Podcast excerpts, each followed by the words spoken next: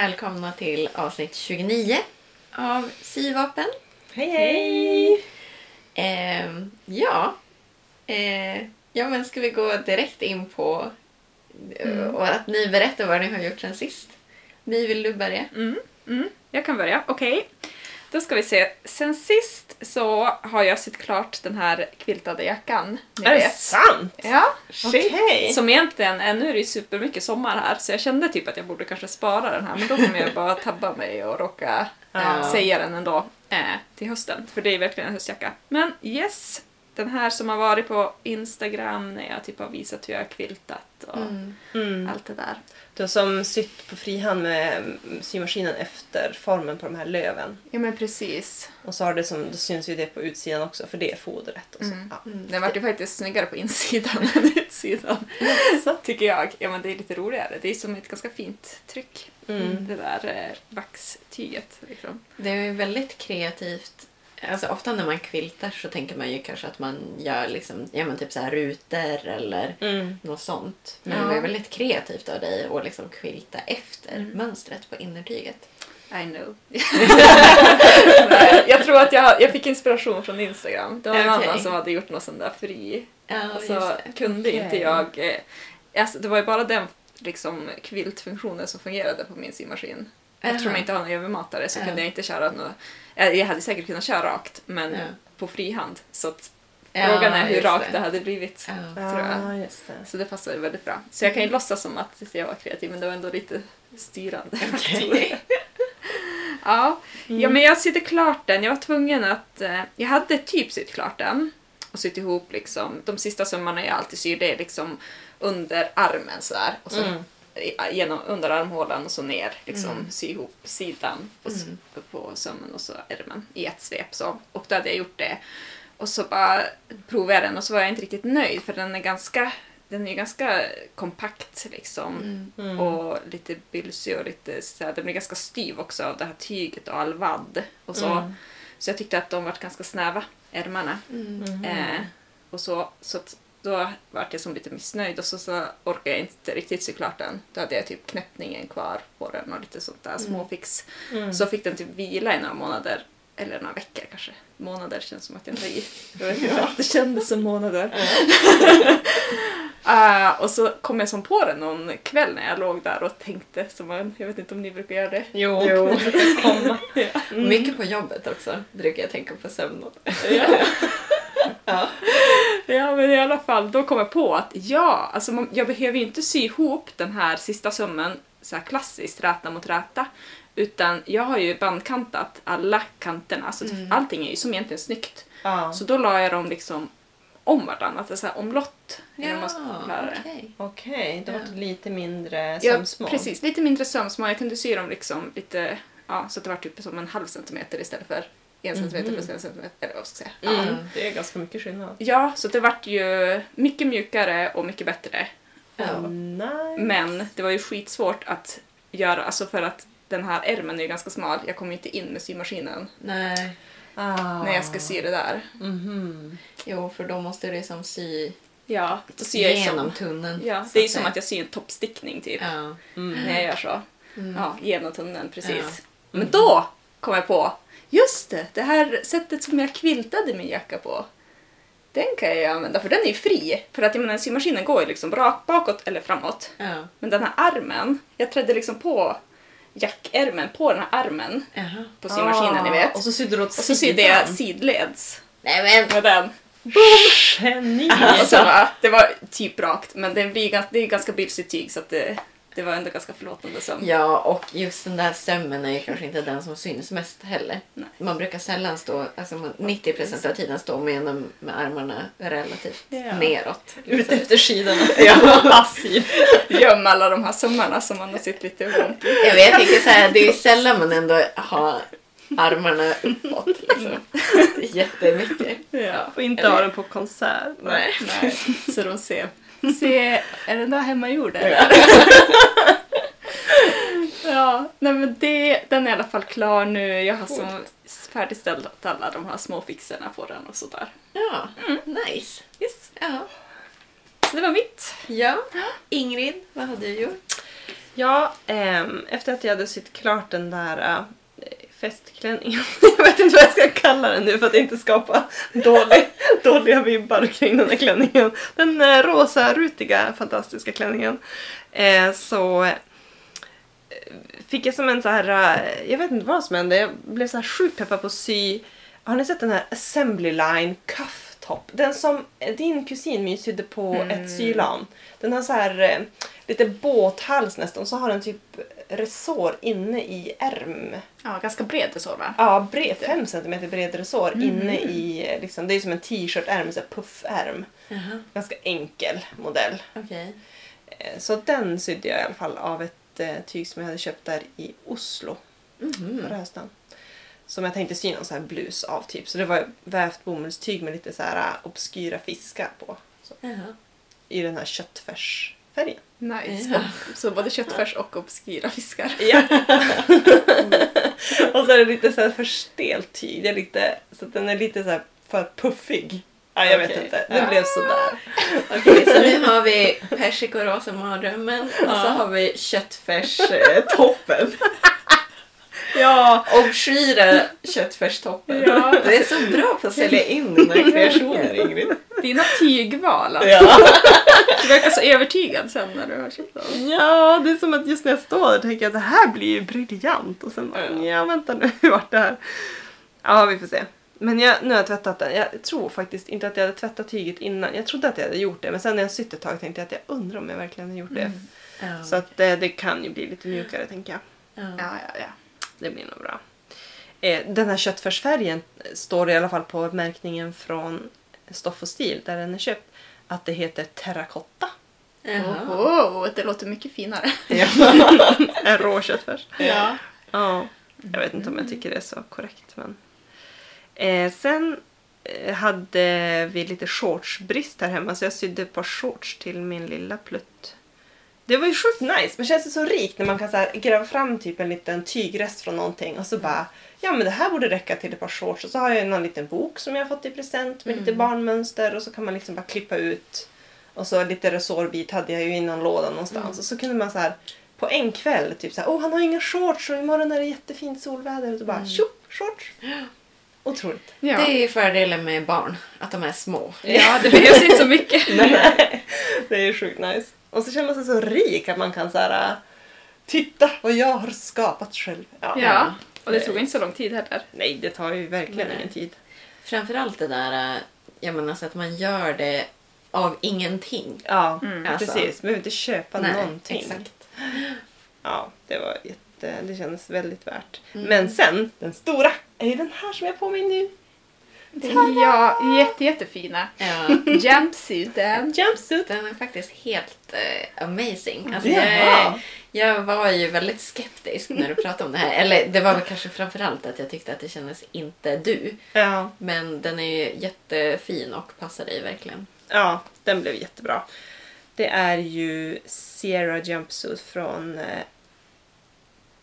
Paper cut. Papercut Patterns. Är- är det? ja, det är Papercut. Mm. Jag tyckte ju, alltså när du skickade bild på den, för den är också lite omlottig där vid livet och så. Ja, precis. Då var det som att jag trodde att det var en Sadie. Ja, Jag trodde också att det var en Sadie. Ja, nej det är inte en Sadie faktiskt. Den här är eh, helt annan konstruktion. Mycket krångligare ska jag säga. Mhm. Sadien är ju ett riktigt nybörjarmönster. Ja. Men Sierra är lite läskigt. Jag googlar lite grann innan för att se ja, men ni vet, om det är så här alla tycker att den är för snäv här eller alla alltså så. Men eh, och det var väldigt många som var så här, åh herregud, man fattar ingenting, man fattar ingenting och sen på slutet så blir det något. Typ så. Det är ungefär som de här konstiga fickorna man gör som är liksom ut, alltså inte utanpåliggande men inte heller i sidosömmarna på typ jeans och sådana grejer. Ja, Tycker jag alltid att jag bara fattar inte riktigt vad det är som händer när jag håller på och viker dem. Och så sen då bara wow! Det var det lika. Ja, men det var väldigt mycket så. Ehm, så den här är ju inte ett nybörjarmönster. Sen har den ju en dold, ett dolt blixtlås i sidan. Ja, ja, det är inte på riktighetsomlott alltså. Eller vad man ska säga. Det är inte det som är Det är en funktionen. faux wrap. Ja, precis. Den är liksom... Ja, det kan man säga. Alltså, det är ingen delning i byxorna. Byxorna sitter ihop. Ja. Det är bara livet som är en äkta omlott. Okej, men det är en äkta i alla fall. Det är en äkta omlott och jag kom på en skitbra grej när jag klädde av mig den här framför spegeln. Man flashar ju ganska mycket boobs när man klär den. Den är ju jätteamningsvänlig. Alltså om jag knyter upp den här knuten och liksom öppnar den ena sidan då är ju hela Just härligheten framme. Men du tappar inte kläderna för att Nej. det är en dragkedja? Ja, och så sitter den fast liksom på den andra axeln. Ja. Så att eh, rekommenderas till amning. Då får man Absolut. kanske... Ja, nej för jag vet inte hur det är när man har just fått barn. Har man inte lite mage kvar? För Jo, man, eh, får göra en liten stor storlek kanske. Ja. Så behöver man inte dra åt knuten så hårt. Mm. Nej, men Bra de, tips, för det tror jag kan jag tänka mig är svårt. Ja, det är så. Sadin är ju... Då blir man ju väldigt naken. Alltså då kommer hela magen alltihop fram. Och allting, ja. Jo. jo. Ja, det Ja. är sant. Ja, nej, men det var jättekul att sy och den var inte så svår som, som jag trodde att den skulle vara när Som, jag klippte ut du, alla som du bitar. just sa. Nej, alltså det, det är väldigt många bitar och det blir liksom inget plagg förrän på slutet. Det är inte så Ja. att man kan liksom prova eftersom. Det går inte. Nej. Utan man syr liksom ihop på ett sätt som gör att det liksom på slutet blir det någonting. Så. Mm. Passformen är väl lite sådär. Men ja, jag är sjukt nöjd. Ja. Och tyget var ju en, ett sånt där waxprint, en gåva från min faster när jag hade varit hundvakt. Jättenice! Ja, den är ju jätte, jättefin. Så det är ju det. Man ska ju säga att det har gått lite fler veckor sedan vi spelade in än vanligt. Det känns som att jag har hunnit mer än jag brukar hinna. Ja. Men det är väl, det beror lite på vad man har gjort också. Jag har ju haft lite ledigt. Ja, det kanske har det. Tiden går fort, jag har inte tänkt på det. Jag tror det kanske. Mm. Ja, Boydan. Eh, ja, nej men jag har, jag har inte haft jättemånga sydagar kan man väl säga. Men jag har ändå hunnit ganska mycket tycker jag. Eh, dels så har jag sytt klart den här randiga sommarkjolen som Ja. jag kallar det för. Mm. Det, det var ju inte så mycket kvar eh, sist vi pratades vid. Eh, eller sist vi poddade. Det, jag hade ju beställt knappar. Ja! Men de vart jättebra. Alltså, jag är faktiskt jättenöjd med dem. Mm. Så jag har hunnit använda kjolen flera gånger redan. Eh, det är lite så här... Alltså jag ångrar typ... Jag gjorde det översta knapphålet i midjan vertikalt. Ofta så brukar Ja. man ju göra dem horisontella. översta. Ja, och det ångrar jag väl lite grann. Men jag tänker att det kanske blir bra om jag justerar positionen på knappen lite. Okej, det typ öppnar sig lite, eller vad är det som händer? Ja, alltså des, dels så hade jag inte hett något flisselin Mm. i kantbandet eller vad man ska säga. Och det borde Mm. jag kanske också ha gjort. För det är som att det är lite så här sladdrigt så att knapphålen vill som töja ut sig lite. Framförallt den knappen högst upp för Ja. där är det mest spänning. Liksom. Ja. Det är väl också därför man ska ha de här horisontella knapphålen. Mm. För att, ja, Att det blir lite starkare kanske. Ja, Mm. exakt. Ehm, men på det stora hela så är jag väldigt nöjd. Eh, sen har jag också påbörjat min julklapp från Ingrid med familj. Den här Mm. Gimlet Boiler Suit. Oh, Ja! wow! ja men jag varit så superpeppad eh, efter förra poddavsnittet. Och då skulle jag egentligen leta lin, äh, linnetyg. Ja, just det. Eh, men då hittade jag inget bra och så vart jag som less på att leta. Så då slutade det med att jag köpte ett ganska tunt, eller väldigt tunt ljusblått denimtyg. Oj, vad mycket det är den i Ja, dig nu alltså. blir det jättemycket denim. Men det är, så, det är jättetungt. Alltså det känns mer som bomullstyg. Alltså det känns Mm. inte så här jeansaktigt. Undrar om inte jag har ett sånt tyg i mina gömmor också som jag inte fattade var den förrän försäljaren sa det typ. Ja. Att så här bara, vet du, inte, men ja, det är, skit, det är ju skitsamma. Om Ja. det känns rätt så är det Ja, bra. ja men precis. Eh, så jag har sytt liksom, jag har sytt överdelen och så har jag sytt underdelen. Och så har jag bara eh, inte hett i knappar och inte sytt ihop över och underdel. Men shit vad du har Oj. kommit långt. Eh, och sen är det ju ja, men typ så här, eh, folla, ärmar och ben. Och så är det...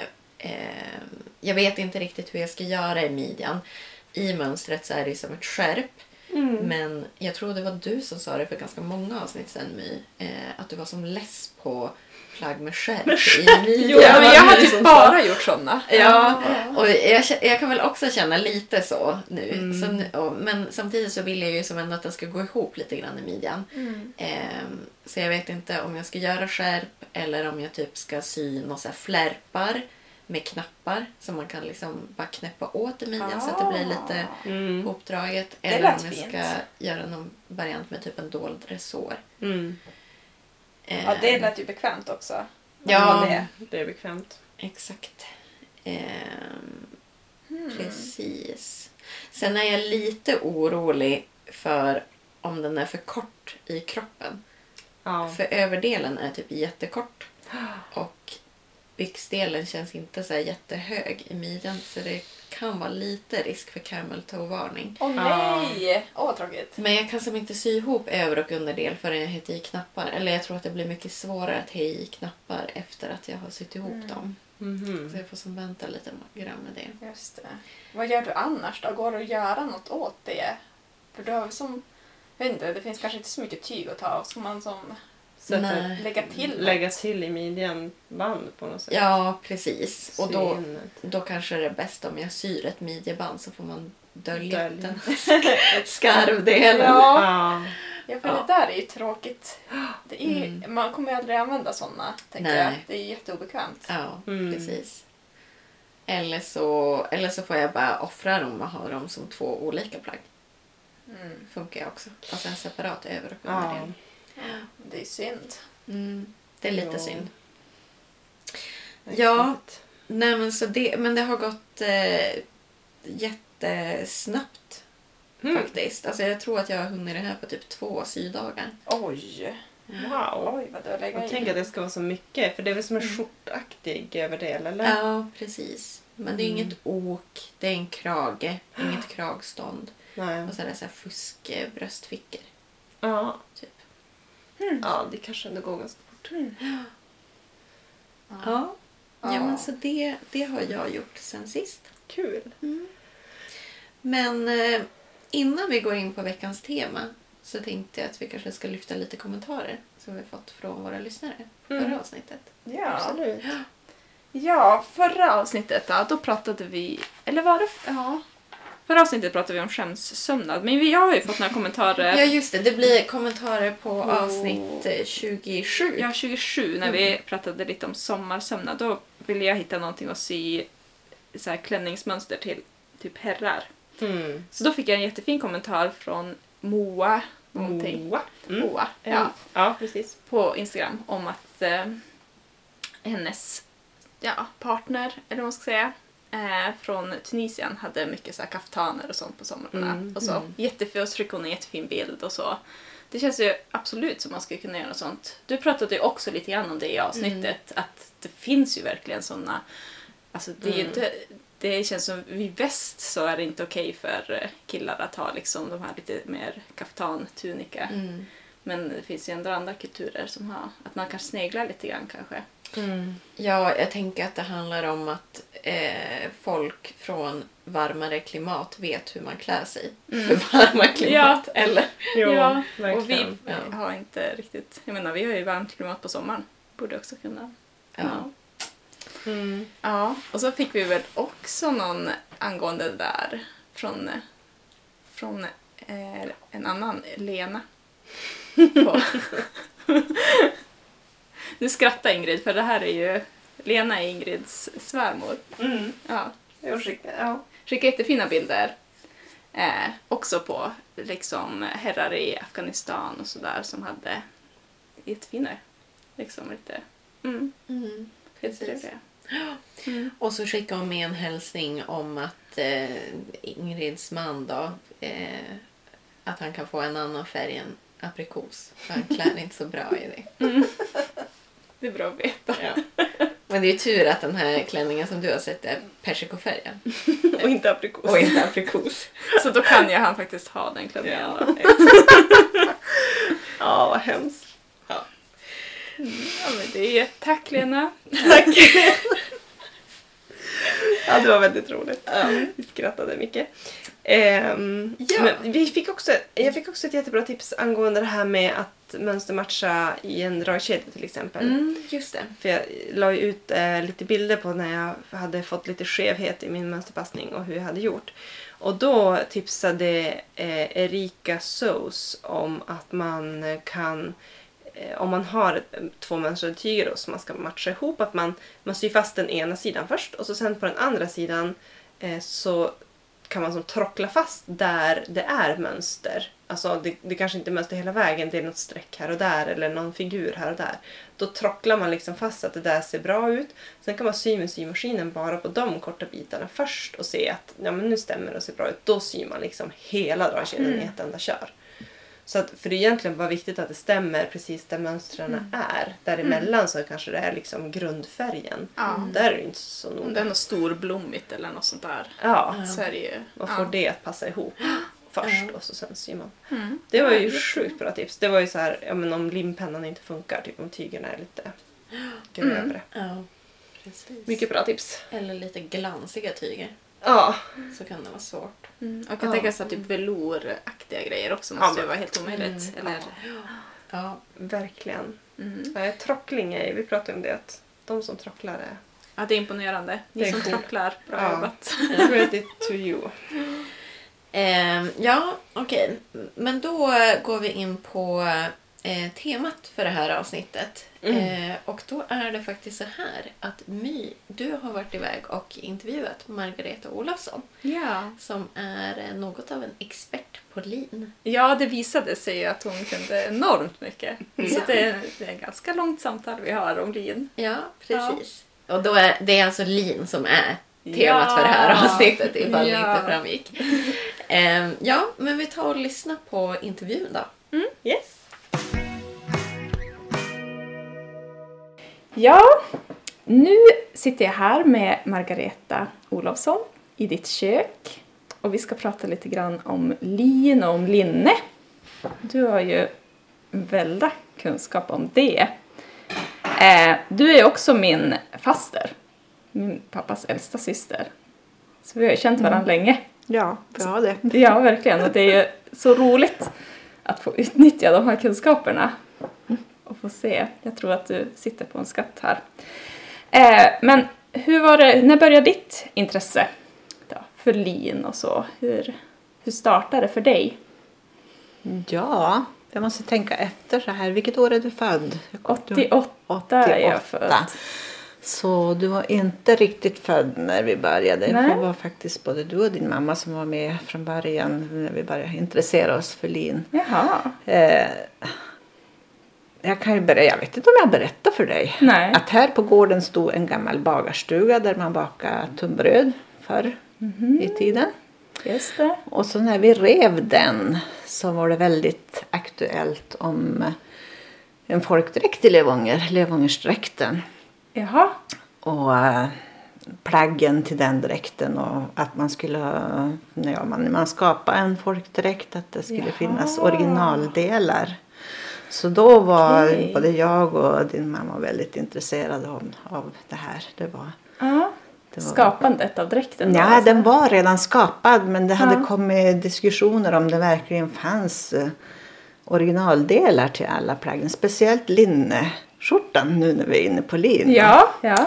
Så när vi, då, det var så att den här bagarstugan var tvungen att rivas för myrorna hade totalt ätit upp timmerstockarna. Så när vi rev där så då började jag hitta grejer. Jag var också intresserad av gamla fälltecken som tecken som man satte på baksidan av fårskinnsfällorna. ja. Så jag började hitta remsor av det och så började jag hitta linneremsor och jag tänkte väl inte så mycket på det för jag var mest intresserad då av de här eh, randningarna på fälltäckena och ville hitta ursprungsdelar och om man kunde väva upp något liknande. Jaha. Men eh, jag började hitta mer och mer linremsor Mm. Och så började jag titta, då kom det helt plötsligt en ganska stor remsa. Så man såg att det var, har varit sytt både ärmar och halslinning. Och när jag började titta på hur det var sytt så såg jag att det var ju handsytt. Och att det var ganska ojämn grovlek och det var lappat, det var lapp på lapp på axlarna.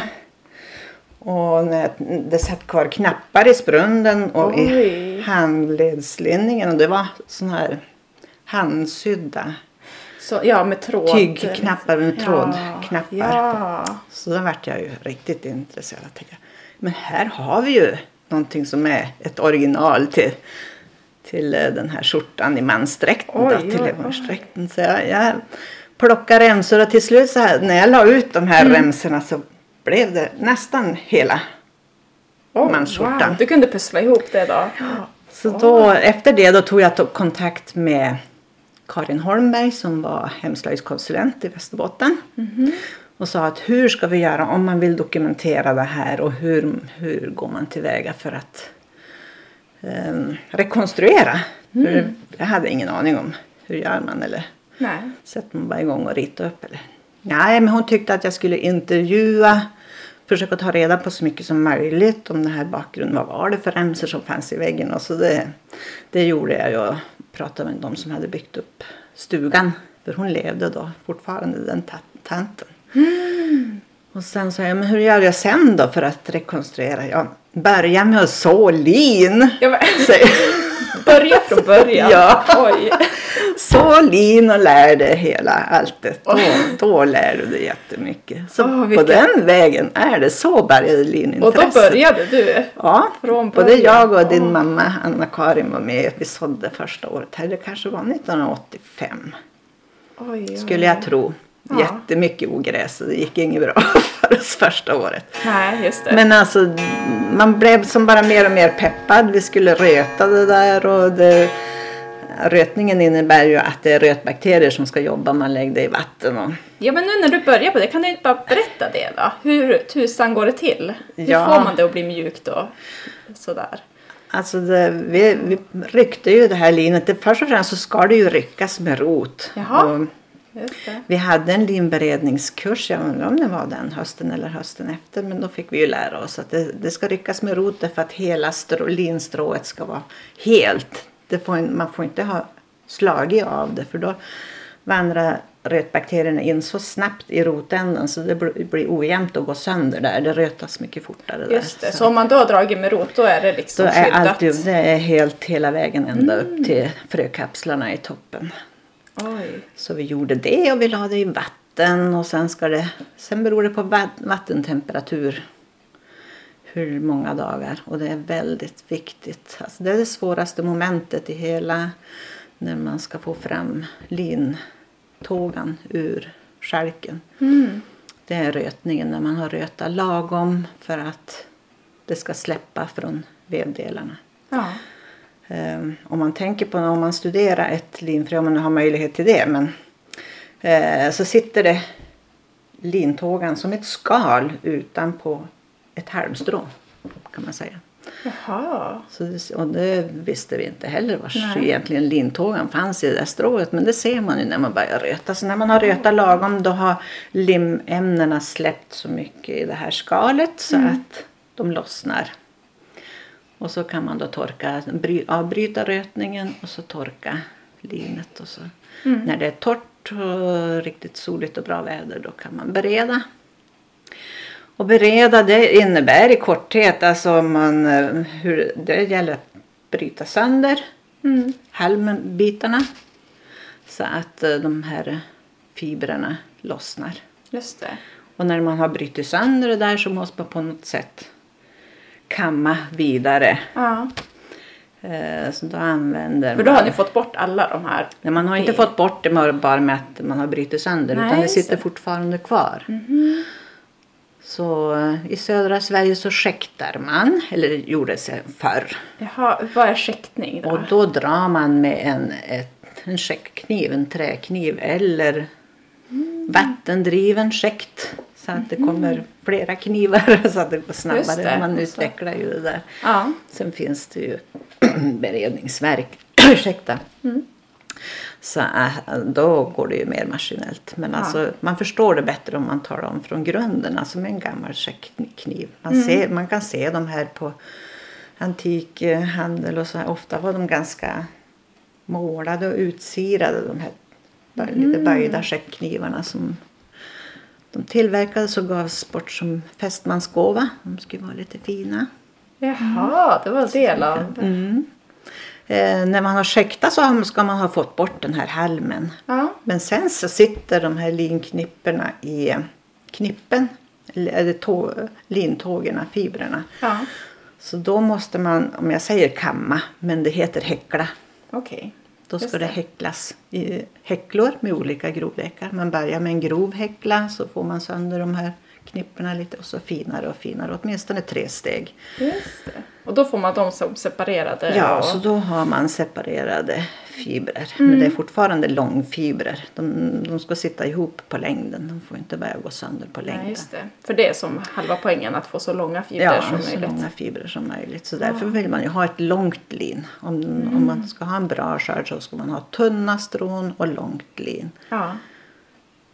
Så när man har häcklat det här linet då är det färdigt att spinna egentligen. Det beror lite på hur noggrann man är. Mm. För förr kunde man även borsta upp glansen ännu bättre. Mhm. Linet har ju i sig, och har man lyckats med rötningen så har man en jättefin glans naturligt i linet. Jaha, och det hänger på rötningen lite? Det är redan då? Eh, ja, och kvaliteten på linet. ja. Just det, för det kan man ju se. Ja. Linnedukar som är riktigt Ja. lyster i. Ja. Mm. Jättefint. Mm. Ja, det är en hel Så- procedur. Och sen är det i princip bara att sätta sig och reparera upp spinnrocken. Spinnrockar finns ju Ja. gott om att få reda på och, Ja. och ta reda på. Eh, och reparera lite grann och så börja träna och spinna. Gå ihop en grupp och så spinner Mm. Och man. så Om man man- har hittat någon tant som kan hjälpa till så gjorde vi. Vi hade en tant som kom och hjälpte oss igång och justera spinnrockarna. Så samlades vi i en grupp och så spann vi och Mm. så sa hon nu är det bara ni fortsätter. För nu är det bara övning som gäller. Och det är ju det. Har man fått lära sig att få igång spinnrocken Ja. så där är ju övningen sen. Men hur skiljer det sig att spinna lin mot till exempel ull och så? Är det lite samma? Ja, det är samma teknik. Ja. Ehm, eh, vad ska jag säga, det är skillnaden. Alltså ullen är ju... När den är kardad så är det bara att spinna den. Man ska ha så varmt som möjligt. Men linet ska man blöta. Det är blött Och helst med, helst med saliv. Därför att man har lim, lim, lite limämnen i saliven. Så man ska spotta bra. Men, men man kan också ha en vattenkopp bredvid. Eh, eller ha linfrö och lagt i blöt i en kopp. För linfröet har ju också väldigt mycket limäm- limämnen. Ja, men det kan man nästan se. Man har ju blötlagt förut. Det blir Ja. som något gelé nästan Ja, ja. runt fröna. Så det är Jaha. jättebra att lägga lite linfrö i vattnet. Och då behöver man inte sitta och spotta hela tiden. Nej. Det är inte så att så fort du ser en, en spinnrock nu att du börjar salivera och Nej, det är betingat. kan jag väl inte påstå direkt. Nej, det måste ju ta slut det där. Dricka mycket. Mm. Ja. Nej, men det där var i alla fall så det började. Och mitt mål var då att eh, jag skulle då tillverka den där skjortan. Jag har ju kvar de där originaldelarna. Och det vart sen också eh, kurser i att sy folk direkt. Oj, och det här, det här skjortmönstret har använts eh, på de kurserna. Så att, Ja. Eh, ja, men vad är det då som är så fantastiskt med linne tycker du, Olin? Liksom, vad har det för egenskaper? Som... Varför vill man ha det då som särk till exempel innerst mot kroppen? Och... ja, men det är ju, lin är ju ett, ett svalt tyg att ha på sig på sommaren. Ja, just det. Ehm, Det, det har många fina egenskaper. Och, och mm, lin har också egenskaper som att det tar upp fukt väldigt snabbt. Men det avger också väldigt snabbt. Det torkar snabbt.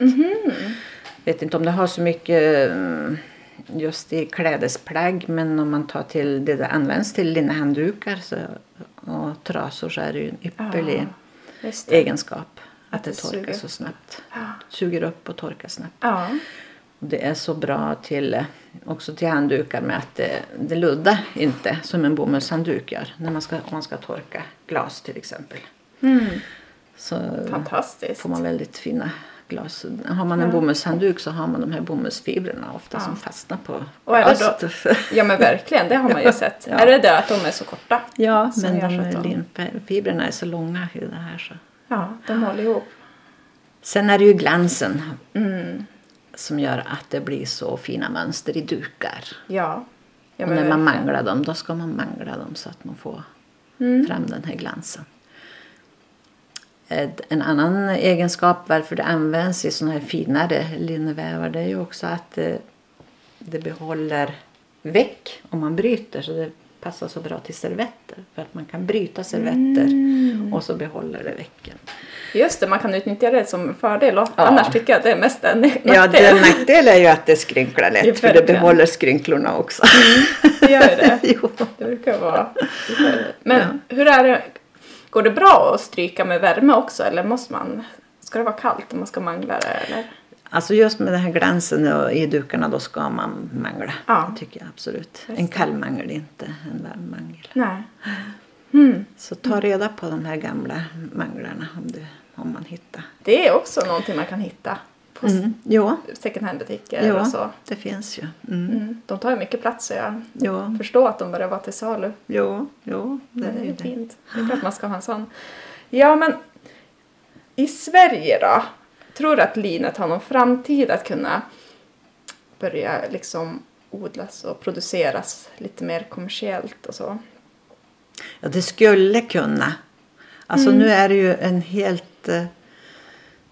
När vi började intressera oss för lin 1986 och bildade vi linföreningen. Och sen jobbade vi på, då fanns det ganska många linföreningar i Sverige.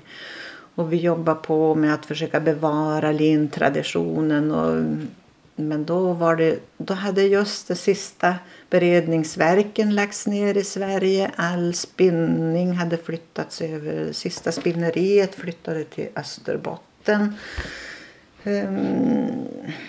Mm. sen kom det igång ett svenskt växtbolin. Ja. Och de spann ju där ett antal år. Nu tror jag inte att de spinner längre men de väver ja, linne. det. Men de kunde inte spin- spinna svenskt lin för det för all odling var nedlagd. All, Mm. all kommersiell odling. Utan det var de linföreningar och grupper som fanns som fortsatte att bevara traditionen och det är vi ju tacksam för. Det är ju Verkligen. jätteroligt att det finns ju en liten spillra kvar. Men den stora produktionen har ju skett i Frankrike, och Holland, och Öst, Estland, Lettland, Mm. Litauen. För det finns förutsättningar, klimatsätt liksom. vi, ja, vi kan- har ett bra klimat. Mm. Det har vi. Så vi, vi gjorde ju en, en studie, en förstudie för lin. Jag kommer inte ihåg riktigt vilket, men efter 90, ja, efter 1990 men före 2000 tror jag att det var. Eh, om förutsättningarna att få igång linproduktion här uppe. Och vi var på studieresa till Österbotten och tittade hur de hade gjort. det. För där hade de ett, ett eh, projekt för att få igång linproduktionen. De hade lyckats bra, hade fått igång både odling och beredning och spinneri. Så vi var väldigt eh, optimistiska och Ja. trodde att det skulle gå bra. Men när man, när man gör en sån här och studera, försöka ta reda på alla förutsättningar så behövs det ändå väldigt mycket för att komma igång. Så slutsammanfattningen blev ändå att för att vi skulle kunna få, jag tror det var, behöva få igång 50 odlare Jaha. för att ha underlag för att få igång ett beredningsverk och, och starta någon kommersiell och det kommer fram till att det lyckas vi aldrig med. Alltså traditionen är ju borta hos lantbrukarna. Det, vi kan aldrig locka så många att börja odla lin. Man behöver ha en Mm. bra förutsättning för att komma igång. Eller en bra omfattning på odlingen helt Ja. enkelt. Men, kanske... men alltså klimatmässigt skulle det gå bra. Även om alla år inte lyckas. Man får räkna med att vissa år blir misslyckade. Vi hade försöksodlingar här på Stenfors i Ånäset tre år. Och ena året och de här tre det blev totalt misslyckat.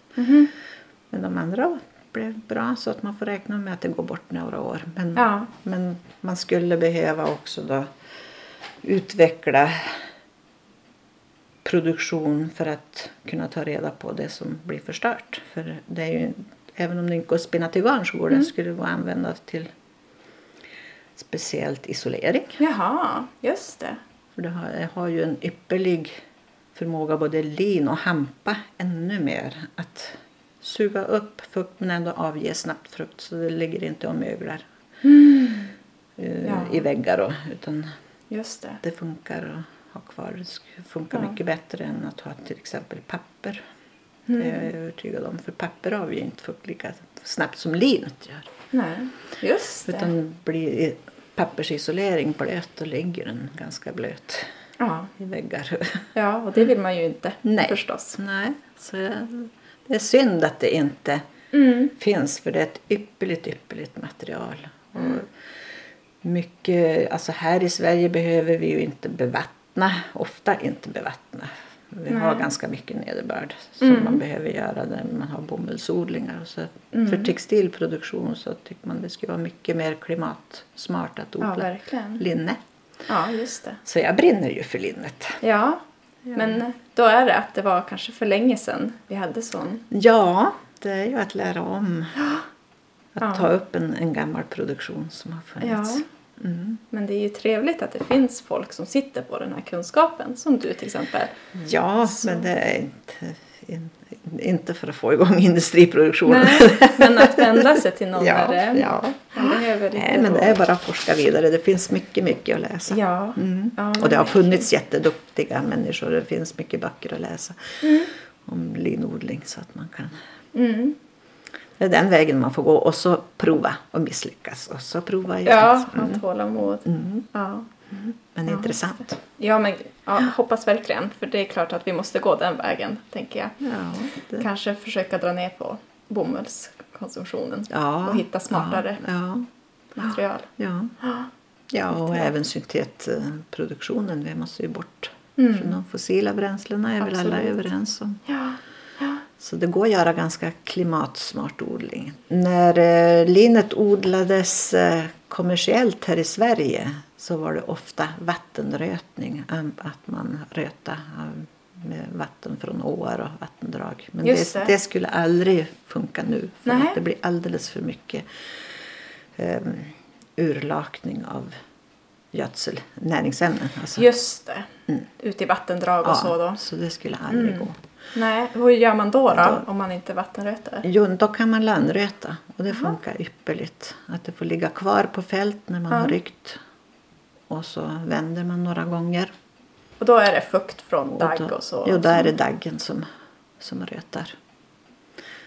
Det låter ju Och då, oerhört och då enkelt. får, Ja, och då vandrar ju näringsämnena bara ner i jorden igen och så får, kan man odla nytt. Så Mm. det, det är ett miljövänligt sätt Ja. att odla lin och Just röta. ja, men just det. Men om man nu har börjat intressera sig för lin och linnetyger och vill sy det här. Har du, hur ska man ta hand om det för att det ska hålla? Vad ska man göra och vad ska man undvika att göra för att hålla, ha en lång livslängd? Ja, men har man ett nytt eh, linneplagg eller duk så ska man vara försiktig första gången det tvättas. Ofta är det väl, är det, är det klädesplagg så är de ofta tvättade. Tyget är ofta tvättat innan det är sytt så då är det bara tvätta i 60 grader. Men är det nytt eller nyvävt så är det viktigt att man blötlägger i kallt vatten innan Just man det. tvättar. För det är många som vill tvätta sina tyger också när de har köpt dem på metervara. För Ja. Mm. man vet inte riktigt om det är något smuts eller så. Ja, då ska man också blötlägga. Mm. För det är så fort gjort att det blir väck i maskinen. I tvättmaskinen. Mm. Och den går runt och det ligger Mm. i samma veck. Och så när man tar ut så har man fått väckränder i tyget. Ja, just det. Som man... sitter kvar. Så det ska blötläggas innan man tvättar. Mhm, I kallt vatten då? Ja. Ja. Och sen är det bara ja, tvätta i maskin på skolgång i 60-gradigt vatten. Just det, så Mm. inte så hård centrifugering och så. Nej. Och så ett milt tvättmedel utan vitmedel. För ofta, om är det dukar så är det ofta vävt eh, i effekter med oblekt och blekt till exempel. Och då ska man inte bleka bort de där nyanserna. Mm. Just de kan ju ändå blekas så småningom. Mm. Men man kanske vill ha kvar det där Ja, oblekta absolut. effekten. Det är ett bra råd. För de här vittvättmedlen har ju ofta Ja, något blek. Jo, det innehåller ofta blekmedel. Och Ja. så inte centrifugera. Eller om det är nödvändigt att centrifugera så ska man ha kort. Mm. Men helst undvika det alltså helt. Ja, Mm. det, för det är också att man, man kan få de här vecken Mm. första gångerna. Just det. Ja. Och så Ja. mangla dukarna. Ja, just det. Och inte heller, jag har hört någonting om att man ska undvika torktumling. Ja, Alltså. ja. Mm. Det, det är nog bättre att hänga upp slätt. Ja. För, för det är mycket av slät, eh, slätgöringen är ju att man hänger det slätt. Det är Mhm, mycket just det. lättare sen också. Ja. Men klädesplagg måste man ju stryka. Men dukar och handdukar det ska man mangla tycker Mm. jag. Då får man fram den rätta glansen. Ja, det är så fint. Det är så fint. Ehm, mm. Ja, det här är ju, jag vet inte om du kan det här, men om eh, liksom hur det kom sig att det tog sig. Är det inhemskt? Har det alltid funnits i Sverige eller har det blivit, har det kommit hit? Vet du hur, hur linets historia ser ut? Hur det har tagit sig till Nej, jag Sverige? är inte så duktig på det. Men jag har Nej. varit och tittat nere på, men vad hette det nere vid Övik ute. Det var ett sånt här långhus från bronsåldern med en grop som var grävd där man vävde linnetyg. Man, vävde det, man hade vävstolen eller väv Ner i gropen? nere i gropen för att, för att det är så här att linet blir starkare när det är fuktigt. Så när man väver med linne i varp och inslag så de som nu har vävt lite grann så har kanske kommit i kontakt med det. Att man kan fukta på linet lite grann så blir det starkare. Jaha, och när man vävde linnetyger så då vävde man ner i en grop. Och det här måste ju ha varit på järnåldern eller någonting så där långhuset. Oj, oj, oj. Ja, det är länge sedan, Så ja. att, eh, det har väl kommit ja, ungefär den tiden. Mm. Men om vi tar exempel från den här byn där vi bor, jag och Ja, du. Så, ja. eh, så har de eh, gjort ett, eh, en undersökning i den här sjönselet. Mhm. Eh, och forskat när, hur länge det här har varit jordbruk och vad som har odlats här. Och då kan man ta sedimentprover. Ja, så jag har läst det. en rapport från den där undersökningen. Eh, att man ner och tog sedimentprover och så kan man läsa ut vilka årtal som olika grödor har vuxit, både träd och blommor. Och, och då hittar man eh, pollen från lin för 900 år sedan Oj. i den här byn. Så det är en gammal by som har legat Ja. nära havet. Det, gamla namnet på den här var ju Kräkånger. Mm. Och det är ett av de äldre bynamnen. Ja. Och um, tusen år sedan, eh, ända ner till tusen år sedan, då var det odlat korn och råg i den här. Så att någonstans där så Just det. har det börjat sola lin här Ja. uppe. Sen, Ja. sen vet jag inte hur det är i södra Sverige. Men, Men det finns en lång tradition. Ja, nej, vi får, det kanske men läser man Nya. Testamentet på Jesu tid så var det ju linnekläder. Och, och en, så att linet är ju en väldigt gammal växt. Ja. ja, det är fantastiskt. Om man eh, är liksom intresserad och kanske börjar odla eller att bara lära sig mer. Finns det, hur, vars vänder man sig om man vill ta reda på mer förutom bara internet och så? Men jag tror att man kan... Det, här i Västerbotten har vi ju en linförening och det finns linföreningar runt om i Sverige. Ja, så ta kontakt med en linförening eller lingrupp. Mm. Eh, Så är det ofta att man så tillsammans. Eh, Förra året och då förra året sådde vi tillsammans här i Lövånger. Och så sen träffs vi och rötar tillsammans. Ja. Och så bereder vi. Träffas och bereder. Mm. Då använder vi gamla redskap. Och, och så hur mycket man vill gå vidare då. Mm. Så träffs vi och spinner. Ja, just det. Oj. Så Ja. vi får fram. Och för det mesta så får alla fram en tråd. Sen kan det vara varierande kvalitet. ja, men man får öva då. Men eh, för det mesta så får alla till en tråd i alla fall. Ja, vad roligt. Mm. Ja, nej, men det är klart man ska göra det. Och ofta börjar det väl med att eh, det var en tjej då som hade varit på loppis och sånt där och både köpt spinnrock och eh, någon sån här eh, härvel. Och visste inte riktigt hur man skulle använda de här redskapen. Mm. Och så var hon med i gruppen då. Hon var väldigt ivrig. Hon Ja, och få börja lära sig. Ja, det gick bra för henne att få igång spinnrocken och spinna. Ja, man behöver inte ha den bara som en prydnad hemma. Nej, det är mycket roligare att få till den som den ska vara. Ja, Ja, absolut.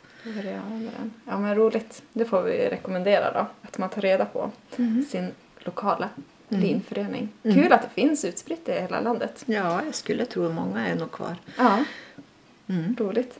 Eh, ja, men tack så mycket Margareta.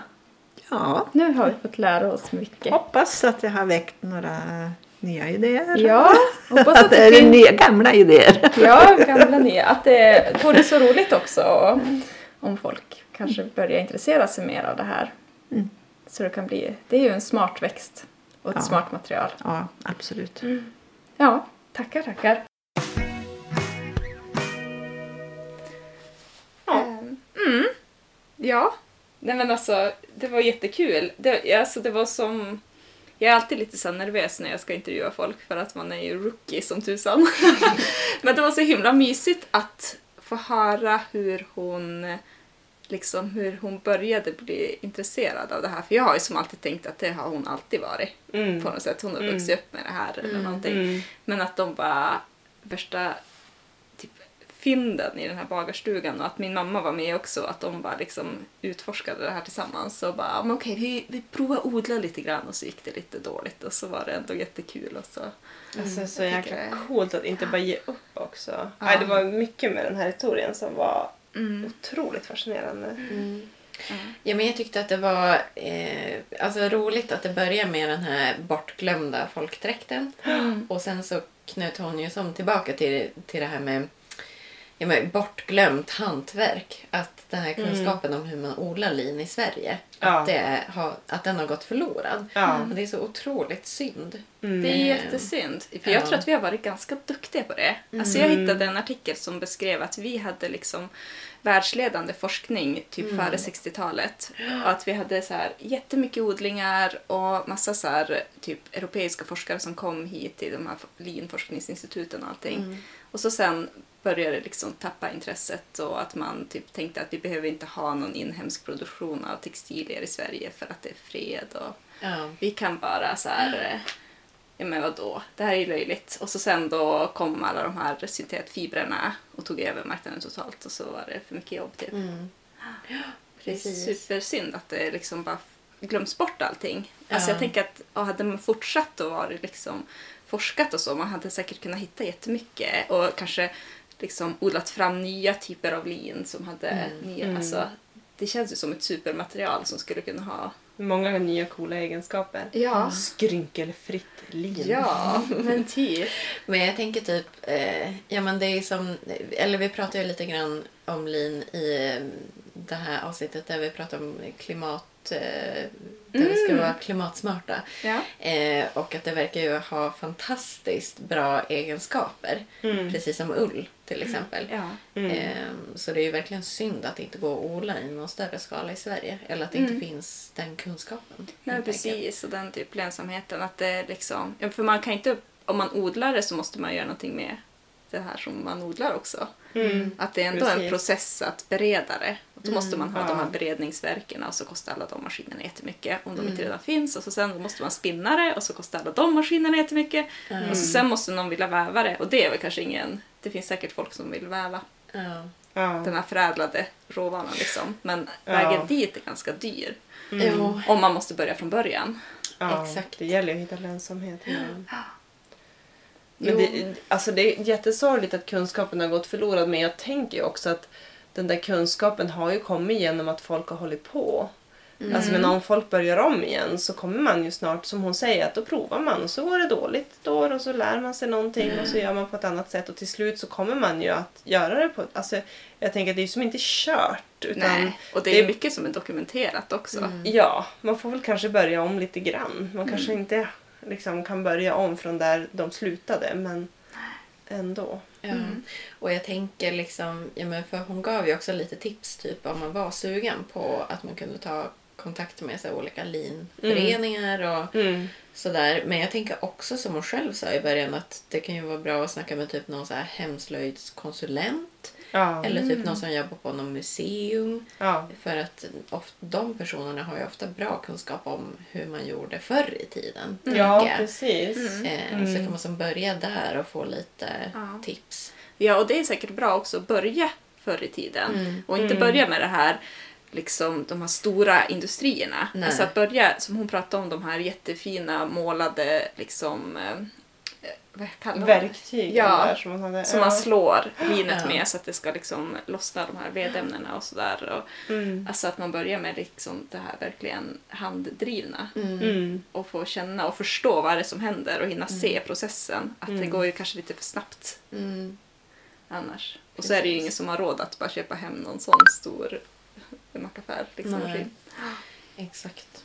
Och så, så jag i alla fall håller tummarna för att det är någon av våra lyssnare som blir sjukt inspirerad och Ja. startar, startar något, eh, så här, lin, någon linodling. Linneproduktion. Det vore Ja. så coolt. Men jag Yes. tänker att det kanske börjar komma för intresset är ju verkligen i alla fall i, i den här, alltså där vi hänger på de forumen så är det ju mycket lin. Mm. Ja. Linnetyg och linnegarn och Mm. Mm. ja, det kommer.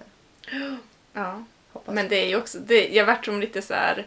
För jag hade ju som tänkt att ja men okej, det är inte så långt steg ifrån att man har odlat det och liksom fått fram, spunnit det till att man Mm. kanske kan börja väva i det. Men hon berättar ju att hon aldrig kommit så långt så att hon faktiskt har kunnat väva ett tyg av Nej. det hon har odlat fram. Att det är ändå så småskaligt. Ja. Så det känns ju också lite tråkigt. Man vill ju ändå få en sån slutprodukt. Hon har säkert Ja. kanske gjort några provbitar eller några sådana grejer men inte Mm. så mycket Ja. större. Inte kunna väva så mycket.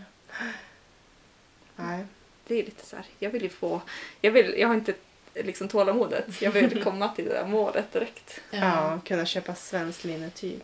Ja. Eller kunna göra eget. Mm. Ja. Ja, sjukt coolt och fint. Ja, Verkligen. Har du hittat någon mer eh, saftig information? saftig information. Ja, jag vet inte vart jag ska... Jag hittar ganska mycket saftig information. eh, men jag har ju blivit... Jag gjorde den här intervjun för ganska länge sedan. Mm. Och så har jag blivit ganska nördig på lin efter det för att det var så spännande att få höra på. Eh, och så har jag också gjort ett arbete i skolan om lin. Va? Eh, Är det sant? Ja, När då? eh, i våras. Jaha. Ja, så att jag har ju fått lite gratis eh, research-tid där. Men eh, det här tycker jag är kul att eh, i att Europa odlas det 80% av världens lin. Oj! Så det är ju inte så fasligt långt bort. Alltså det Nej, är på... okej. Det finns liksom ett linbälte i så här Normandie och så går det över typ till Belgien och så lite grann i Holland. Jaha. Och där har de gått ihop och gjort ett kollektiv av det. Mhm. Så alla bönder där liksom skickar det till samma, det finns kanske flera beredningsverk och så. Så skickas det till, liksom, man odlar och så skickas det dit. Och det är inte som Margareta kanske, jag vet inte om hon nämnde det, men oftast så håller man på med växelbruk och sådana grejer. Men där är det bara, år, alltså varje, varje år så är det lin på de Ja. åkrarna. Liksom. Och Mm. jättegynnsamma förhållanden. Och det är väldigt mycket regn och grejer där Okej. från Atlanten. Och Ja. från, alltså man tänker det är så nedanför England, det bara regnar hela tiden. Ja. Så att det röter sig väldigt säkert, så här landrötning jättebra. Och som hon också sa att man kan inte längre, alltså det är inte miljövänligt att vattenröta det. Och det, krävs, det är ganska många EU-regler för hur man ska Mm. röta det, så man Mm. måste landröta det. Mm. För annars blir det såna här äh, föroreningar i vattendrag och så. Just. Eh, så då har man, för det mesta i Europa så är det liksom där det odlas. Det finns säkert i, liksom på andra ställen också, men framförallt majoritet där. Och så skickas det eh, oftast sen till Italien, eh, Lettland eller, eh, eller var det Litauen kanske? Ja, jag kommer inte riktigt ihåg. Eller Tunisien och spins. Mhm. Och så sen blir det liksom export av det här lingarnet. Runt om i världen där det spins och görs tyger som vi köper. Tygaffären. Coolt! Mm.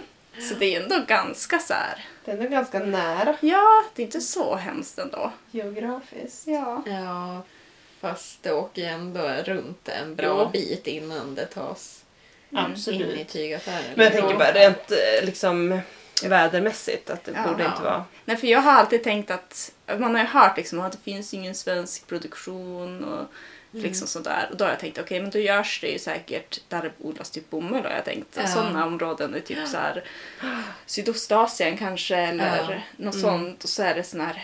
Jag tänker ändå att i och med att det är EU, att det finns ganska mycket lagar och eh, certifikat och grejer. Mm. Att Ja. det borde skötas kanske lite renare och så. Eh, Kanske lite bättre arbetsvillkor i Mm. alla fall för Precis. de delen av, eh, eller de leden av produktionen som ligger i Europa. Mm. Ja men precis. Jag tänker det. Men det är ju framförallt spinnerierna i sådana fall för att själva odlingen är ju den behöver ingen bevattning, lin och Nej. så. Och ingen besprutning typ heller eller sådana grejer. Mm. Ja, nej, men det är ju sjukt spännande. Mm. Mm. Eh, och så är det ju snorgammal. Alltså hon pratar ju om att man hade hittat spår typ för 900 år sedan. Mm. Men för 30 000 år sedan.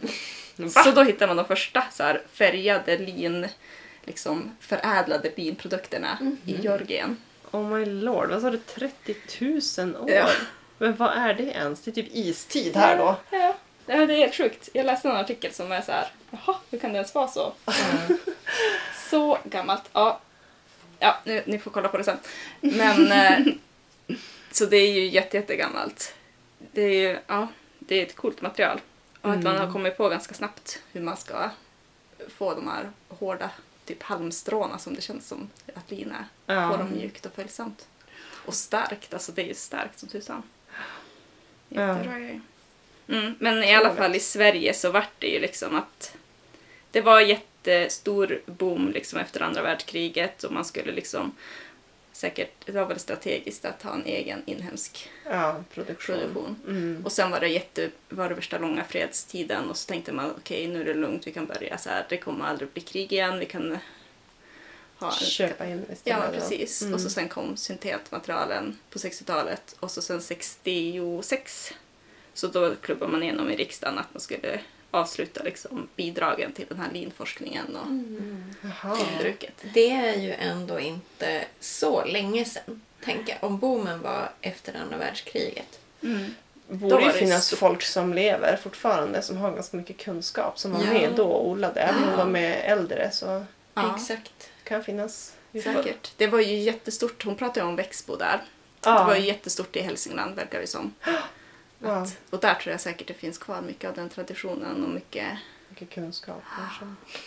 Jag tänkte att det var typ så här på 1800-talet eller typ så här början av 1900-talet. Det var därför jag sa att man skulle ta kontakt med någon museum. Ja, men det tror jag man ändå ska göra. Jag tänker Ja. att de vet ändå kanske vem man ska prata med också. Att det Mm. finns människor som kan. Kanske det. Ja, vad coolt. Ja, det är jättecoolt. Om det är någon som lyssnar som odlar lin eller vet någon som gör det eller har gjort det så hör jättegärna av er. Det är ju så himla spännande och jag tror ju att vi som syr och som syr i lin, jag tror att det finns ett jättestort intresse för att köpa svenskt producerat om det skulle finnas någon gång i framtiden. Ja. Och det spins, eller det spins inte men det vävs ju Jo. i Sverige. Mm. Så man kan ju köpa svenskvävt i alla fall. Ja. Och även metervara och sy av och sådär. Mm, kan man hitta det online eller måste man åka Ja. till Hälsingland? Nej, det finns nog på webbshoppen. Mm. Ja, jag tror säkert man får beställa hem provbitar också. Alltså på Växbo eller? ja. Sen Coolt. finns det säkert mycket fler. Nu känns det som att jag gör mycket reklam för dem. Men det är de Mm. jag gjorde det här arbetet på. Ja, Så därför så kan jag mycket om just det. Mm. Men eh, sen finns det säkert fler. Ja, vi får kika upp och lägga lite länkar. Så Ja. om vi hittar. Mm. Mm. Det är jättebra. Ja. Men eh, det känns ju inte som att vi kan bidra så mycket med mer information om lin. För att Margareta kunde redan allt. Så nu finns det inget kvar att veta. Nej, det är säkert inte sant. Men har ni några framtida eh, liksom, linneprojekt? Och så? Ni, har ni något? Du hade ju tänkt göra din, din boilers ut i. Ja, precis. Alltså, de- den eh, kritiken som jag kan ha mot linnetyg, eller vad man Mm. ska säga, det är ju färgutbudet, Ja. måste jag säga. Absolut, Ehm, det är lite tråkigt. Det verkar ju mest vara typ så naturfärger. Mm. Och det är ju kanske inte min färgskala. Nej. Och det är man tråkigt för det finns ju ingen anledning till att Nej. det ska vara såna där lite jordiga... Det är klart att det är mer miljövänligt. Alltså, Ja. För jag tänker färgen innehåller ju säkert också mycket kemikalier och så. Så ja, om man nu Men jag tror säkert det ändå finns färger till det. Det är bara att det inte är det som är på den här marknaden där vi är. Ja, säkert. Eh, nej, men så det, det är ju synd. Och sen eh, är det väl bara liksom att jag inte har sytt i det här materialet tidigare så jag har svårt att förstå vad som passar till Mm. Ja, vad och precis. liksom hur det, hur det blir Ja. sen när man har på sig det. Men det pratar vi om senast. Typ. Eller, ja. Ja, säkert. eller det kanske var privat. Ja, jag vet. Ja, men det kan jag ändå... Det är alltid svårt så med Mm. nya material att veta... Alltså när man väl har börjat då kan man ju verkligen fastna i en sån veva. Ja. Och så blir det mycket av det. Men att det är svårt att känna Man vet av. inte liksom. För lin känns, eller linnetyg känns ju oftast ganska grovt Ja. Mm. när man tar på det. Men om jag förstått det rätt så blir det liksom mjukare Mm. och faller bättre när man har det på sig. Men ja, det är Jo, svårt att... att man det fatta. Ja, men det är jättesvårt. Ja. Och å andra sidan så kanske man ska... Men det är också svårt att hitta såna plagg. Men det finns... Alltså jag tänker att man kanske ska välja den typen av plagg där man vill ha det där som är lite grövre eller lite styvare Ja. eller så. Men det är Ja, inte såna Då är det där det fallerar. Ja men jag menar ju det också, man är inte så van att sy såna plagg och man har inte det i huvudet just. Eller jag känner inte att jag har det. Alltså jag kan verkligen hålla med dig om att det är Mm. så här, det är lite avlägset. Ja. Men det vore kul att utforska mer. Men jag håller också verkligen med dig om att jag tycker inte riktigt att de linnetygerna som jag hittar i butik här är inte de jag vill ha. Nej. Nej, Det är liksom... det är det ju tyvärr inte. Det finns ju på de här lite finare alltså webbshopparna, typ Mm. Meter Meter har ju... Kanske lite roligare. Det, det kan jag tänka mig. Allt där är ju jättefint. Jo, men det är ju som lite... Ja, man vill ju gärna klämma och känna och alltså, särskilt med Ja. lin tycker jag att det finns ju så väldigt mycket olika tjocklek och en del är Mm, ja. tvättat och inte och alltså Ja. det är... hur, och så tycker jag att de jag ser som är väv, alltså jag tänker att de måste inte heller vara vävda på det här klassiska, Nej. alltså det här rutnätet. Det finns ju Ja. ändå väldigt många olika väv. Mm. Alltså man ser typ ett denimtyg så är det som Ja. diagonaler. Alltså jag tänker att de Ja, skulle ju säkert kunna ha lite olika ut, eller stickade linnetyger. Ja. Absolut. Liksom. Jo, det fanns ju på tygaffären för några år sedan vi köpte en stickad Ja, ja, det var jättetrevligt. Och så kanske något mer att de... Man skulle kunna vidga sig på något sätt än Ja. det här klassiska som, som man ser oftast. Ja. För då blir det också lite inrutat liksom, vad man vill göra av det. Om det är Mm. liksom bara ett visst utseende. Mm. Mm. Har ni några linneprojekt på gång? Massor. Har du det? Ja, jättemycket.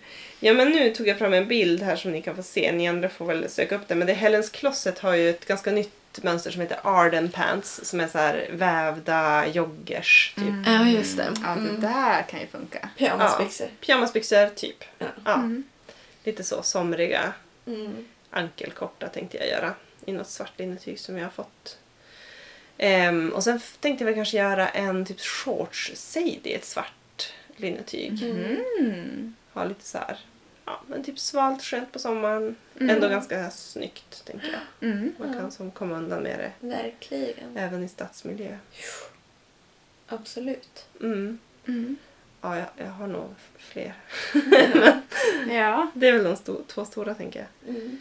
det lät fint faktiskt. Ja, jag vet inte om jag har så himla mycket men jag borde utforska det mer. Men det känns som att du ändå är inne på rätt spår. Alltså att göra några underdelar eller något så här jumpsuit är ganska så här... Då blir det lite slitstarkt och lite... Det känns, Mm. det känns bra att göra ett sånt. Lite så rejält. Mm. Jag letade fram lite typ förslag på om man är sugen på att sy linne men man inte vet riktigt vad. Eh, så kan man kolla på Instagram på hashtag så tittade jag, jag hittade två stycken som var jättefina, jättebra inspiration. Eh, en som heter Sewing with Linen om man söker på den hashtaggen eller Love Linen. Då kommer det upp liksom ja, men jättemycket fina kläder förstås som folk har sytt. Bra hashtags! Ja, Det är svårt att hitta bra hashtags tycker jag. Ja, precis. Nej, men det här var bra inspiration. Ehm, mönstermässigt så tänker jag, men dels Sadie Jumpsuit förstås, det är ju som en klassiker. Mm. Sen har ju eh, de här The Assembly Line, som den här Cuff-Top som jag har sytt härifrån. Deras klädstil är ju lite så, så här, lite grövre vävda tyger, mönster. Så jag tänker att om man eh, ja, men inte vet vad man ska göra så kan man kolla på Assembly Line, de har ganska mycket sånt. Mm. Och sen finns det ganska mycket gratismönster från den här. Det finns en tidning som heter Peppermint Magazine.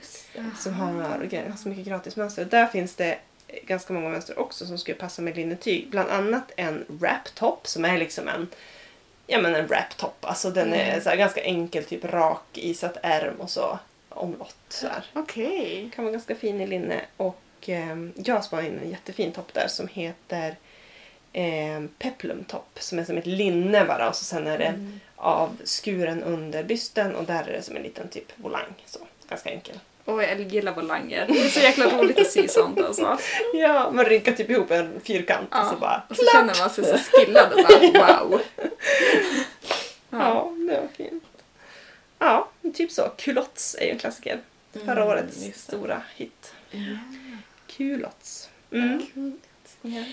Ja, men är vi redo att lämna linnet för den här gången? Mm. Eller jag är det. Har du mer? ja, nej men jag är också väldigt nöjd. Ja. Jättebra. Roliga tips faktiskt. Ja. Jag måste Mm. kolla in de där hashtaggarna. Ja, gör det. Åh, man blir helt, det är så drömmigt. Ja, ja men det kanske är bra pepp för mig att komma igång. Mm. Mm. Ingrid, vill du börja med avigsida, rätsida? Åh, absolut. Oh my lord. Var ska jag ens börja? Alltså det är det klassiska. Det är alltid det här min nemesis när man ska klippa ut eh, mönster Ja.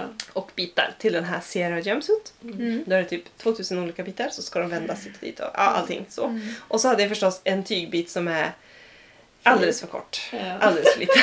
Som vanligt. Så är det jämt. Åh, det är tråkigt. ja, men det är mitt eget fel. Jag fick liksom... Eh, den den här biten är 2,05, alltså lite drygt 2 meter. Och, eh, och så väljer jag liksom ett mönster där det står i mönstret att i min storlek så ska jag ha 3 meter och 30 centimeter. Och så tänker jag så här, det går nog. Ja, det är bra att du är optimist. Alltså så sjukt dumt. Men eh, det gick ju förstås. Det tog ju halva natten och jag svettades som en gris. Och det var så här... ah, liksom, ja men typ så här en klump i halsen. Okej om jag skjuter den här två centimeter dit så kan jag skjuta den här. Ja ni vet. Ja. Det tog en evighet. Men det var jättekul också att få ut den. Alltså jag kände mig som en vinnare. Att säga yes! Jag var tvungen att korta byxorna typ Ja, vad blev det? Fyra centimeter eller någonting. Va? tror du skulle Det säga ju- fyra decimeter. Ja, faktiskt. Nej. Det är ju insane. Så man ska Ja. aldrig lita på dem där. Nej, men de klipper på vikt tyg. Ja. Det gör Ja. inte jag. Men jag tycker även om man eh, klipper på viktyg och lägger ut Ja, som de föreslår att man ska göra så tycker jag ändå att man får tyg över. ja okej. Alltså för, eller jag brukar alltid lägga tygbitarna närmare varandra Ja, vad ja, de ja. har. Liksom. Ja, de tar Eh, väl till lite också för att man Jo. inte ska bli arg på dem. Jo, säkert. Ja, det var ju, det här tyget var lite bredare än... Det skulle vara 114 brett i mönstret, det här var 119 brett. Ja, just det. Men det kan ju ändå... Så det ger ju Ja, okej. 5 centimeter. Ja, nej men det var jättekul. Men det var rätt sidan att jag fick ut alla delarna Mm. och eh, det är ingen vettig mönsterpassning förstås. Men det här Nej. tyget är helt crazy. Så att, Ja. Ja, väl. Ja. orka. Eh, Men eh, nack, det är liksom, avsidan är ju då att eh, det var jättemånga som skrev så här på internet om det här mönstret. Så här, bara, "Åh, men den är jätteuringad i ärmhåla. Mm. Jag var tvungen att höja liksom, ärmhålet några Ja. centimeter för att det var ganska mycket sideboob. Mm. Jag tycker sideboob är ganska snyggt. Ehm, jag har inget emot sideboob. Men jag tänkte så här, ja men jag höjer väl några centimeter då. Ja. Så, för det var så här, men bhn syns, bla bla bla bla. bla typ. Ja okej, jag gör det. Och så skrev jag ju på alla mönsterbitarna, höj! Och så en pil. Mm. Tror ni att jag kommer ihåg det? Mm. Nej, jag klippte ut typ tre mönsterbitar och så höjde jag och så kände jag så här, gud vad bra, jag kommer ihåg, allt kommer bli perfekt. Mm. Och så sen liksom på den fjärde typ fodret och bara klipp, klipp, klipp, klipp, klipp. Nähä, jaha, okej, nu glömde jag höja ärmhålet. Och då är det ju kört. Ja. Har man missat det på en bit då Mm. var det bara att klippa alla liksom Ja. efter. Ja. Ja. Okej, men Jag va? tycker inte att du har så mycket sideboob. Nej, jag tycker att den är helt okej. Nej, den är helt ok. Man ser ju, om jag har en bh under ser man det. Men det Ja. har jag inte. Nej, det är en bra lösning. Andningsväg. ja, det var mina. Ja. Mi? Mm, Okej, ehm, avigsidan då. Eh, ja, men, eh, om det var förra avsnittet eller något sånt så pratade jag om den här klänningen som jag har sytt, nej det var nog ganska många avsnitt sen, till mamma. Jag har sytt en klänning till mamma Mm, mm. i sidentyg och den är fin och allting. Och så nu skulle jag liksom eh, göra det sista och folla den, för det hade jag inte gjort då. Mm. Eh, och så bara ja, och så stod mamma där på min stol och så nålade jag och så allt det där jättejobbiga som är skittråkigt att bestämma vilken längd det ska vara. Mm. Och, och så skulle jag liksom sätta mig i symaskinen och folla den. Och då har jag inte tagit med mig rätt färg på tråden. Och det känns ju som att det här är en klänning som förtjänar att det inte blir liksom en Ja. avvikande stickning i Ja, follen. ja. liksom. Jag har ändå varit väldigt noggrann med allting och liksom, även de här overlock-trådarna har jag haft i rätt färg och allting. Eh, så att, eh, ja, det blev ju ingenting. För nu, du är ju inte hemma nu. Ja men Du- precis, du det är ju är- bra att nämna. Ja, Ja. precis. Du åkte hem till dina föräldrar och hade inte med rätt tråd. Nej, jag hade med alla symaskiner och alla tyger och sådär. Och, Åh! ja, men inte tråden. Fail. Ja, Men men, det- nu har du i alla fall gjort det jobbiga, tänker Ja, jag. Att precis. nåla upp den. Precis. Ja. Jo, sysömmen det brukar inte vara Nej. värst egentligen. Men det är så skönt när man har liksom fått fart lite grann och bara, Ja. nu ska jag göra det här som är så tråkigt. Ja. Ja, det får bli sen. Eh, min eh, rätsida kom jag på nu medan vi pratade. Ja. Du berättade ju om att du har sytt ett par shorts till din, Ja. till din lilla pojke. Jo.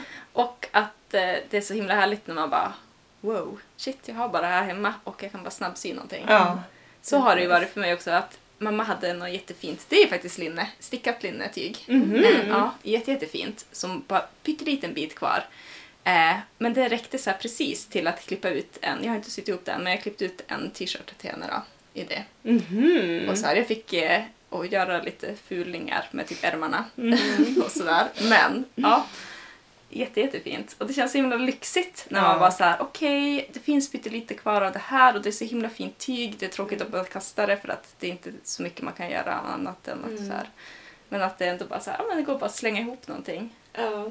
Det Mm. räckte till det där enkla, alltså en t-shirt är ju ganska snabbsydd egentligen. Men Ja. ändå trevligt att få ut någonting. Så det är min eh, rätsida. Att, Gud vad bra. Ja, Mm. Ja. att bara kunna kasta ihop, alltså jag har blivit som så bekväm med att sy och att Ja. bara, så jag kunde bara kasta ihop någonting utan att behöva fundera så mycket. Mm. Ja, det tänker jag är den stora winnen. Sen ska man ju säga att alla har ju inte en sån storlek att man kan ta liksom ett litet tyg och göra ett helt plagg av. Men man kanske kan göra någonting som man faktiskt behöver. Det kan ju vara en annan grej, liksom en praktisk grej. Ja. Eller Mm. till ett barn eller någonting helt annat. Ja. Men det är så himla nice att bara ha liksom kunskapsbanken. Att så här, men Ja. det här kan jag svänga ihop. Mm. Verkligen. Så nice. Eller så gör man som jag och har magtröja. Ja, det kan bli så att den här t-shirten blir lite kort så vi får se om det blir. Men mamma var så här, men det gör ingenting. Det, jag har längtat tills det ska bli modernt med så här höga, höga byxor igen. Och nu är det ju det, så jag ska börja köpa sådana. Oh my lord. Ja. Ja, får det blir spännande. Jag får ta en bild på Anna-Karins magtröja sen. Ja. ja.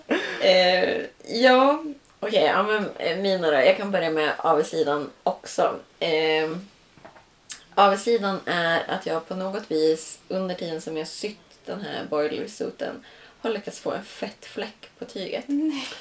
Alltså, jag har inte ens haft på mig. Alltså plagget är inte ens färdigt. Och jag är, det, är en den här väloljade symaskinen? Jag tror att det är den väloljade symaskinen. Att det liksom har korvat sig lite grann när jag har sytt alltså tyget. Och så har det som Ja, okej. farit, farit upp mot den här stången som okej. pressarfoten sitter på. Ah. Eh, och eftersom att det är så ljust så blir ju alla fettfläckar otroligt synliga också. Ja, på tyget ja. Ja. Ja, Men vi får väl se. Det finns ju galltvål och Ja, ja, ja. Galltvål tycker jag funkar. det är en bra Det grej. funkar bra. Mm, det finns ju också linoljesåpa. Ja, det brukar ju du förespråka. Ja, det är motsvarande galltvål. Okej, Fast fast eh, vegetariskt. Ja, Ja. precis. Ehm, ja, nej men och sen alltså mönstret är ju eller själva beskrivningen, sömnadsbeskrivningen är otroligt kortfattad. Ehm, så det, jag skulle inte rekommendera det här mönstret om man är nybörjare faktiskt. Alltså man ska som ändå vara ganska van vid att eller, eller så är det bara för att jag har blivit bortskämd. För att man har sytt en massa så indie-mönster. Och så står det exakt så här. Pressa sömmen. Typ så här, Mm. pressa, precisare sömmen eller pressa den mot det här hållet. Och Ja. typ så här bla bla bla. Mm. Det, det brukar alltid vara supernoga Mm. beskrivet. Mm. Och i det här eh, så känns det ändå som att de har hopp... Alltså de skriver ju alla att man ska pressa sömmen till exempel. Nej. Ehm, Okej, just det. och typ en massa sådana saker. Men sen, det, rätsidan är ändå att jag, alltså det har gått väldigt, väldigt bra. Alltså jag gillar verkligen modellen. Jag tycker att den är svinsnygg. Mm. Alltså överdelen och alltså tygvalet. Det var så otroligt bra liksom. Och det har ändå gått väldigt, väldigt bra. Eh, så man ska nog ändå vara lite mer van. Mm. Eller känna sig lite mer van och liksom Mm. eh, bekväm med. Nu går det ju som på rutin liksom att man pressar en söm efter att man har sytt den. Ja, Tycker jag. precis. Mm. Vad kul. Mm. Spännande att se Mm. den. Vi har inte sett något. Nej. Ja, men det var väl det för det här avsnittet. Ja, jag måste bara få säga en sak. Ja, Ja. Jag hoppas att vi nu har sått ett litet linfrö. Åh oh, ja! Jag har suttit på det länge. För er lyssnare, ni börjar bli inspirerade. Ja. Mm. ja. bra. ja, jag kunde inte, jag kan inte avsluta för Nej, mycket, mycket bra. Hej då! Hej då!